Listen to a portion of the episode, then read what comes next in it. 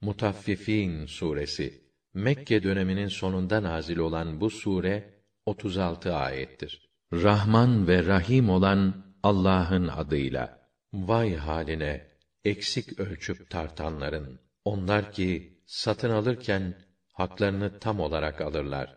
Fakat kendileri başkalarına satar, ölçüp tartarken eksik yapar, hile karıştırırlar. Sahi onlar o en mühim günde yani bütün insanların Rabbül Alemin'in divanında duracakları günde diriltilip toplanacaklarını düşünmezler mi?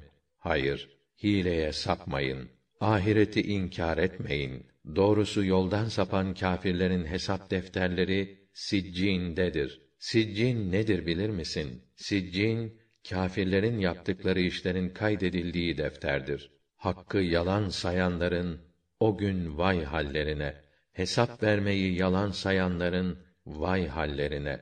Buna yalan diyenler ancak zalimler, azgınlar, günaha dadananlardır. Kendilerine ayetlerimiz okunduğunda bunlar eski devirde yaşamış insanların masalları diyenlerdir. Hayır, gerçek öyle değil. Onların yapa geldikleri kötü işler gitgide kalplerini paslandırdı da onun için ahireti inkar ederler. Hayır, hayır. Bu cezasız kalmayacak.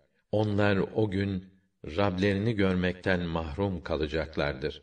Peşinden de elbette cehenneme gireceklerdir. Sonra kendilerine işte size yalan saydığınız cehennem denilir. Fakat hayırlı insanların hesap defterleri illiyundadır.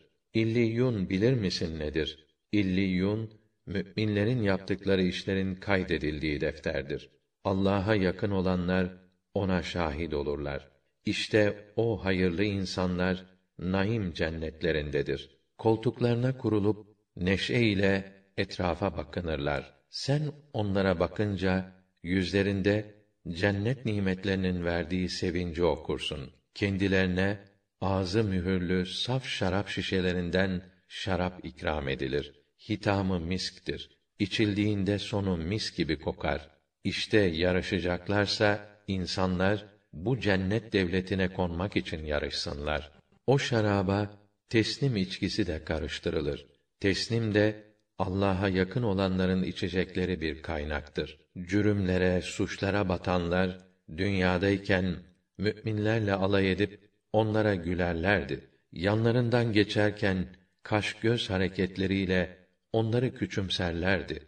Ailelerine döndüklerinde yaptıkları bu işlerle övünüp eğlenirlerdi.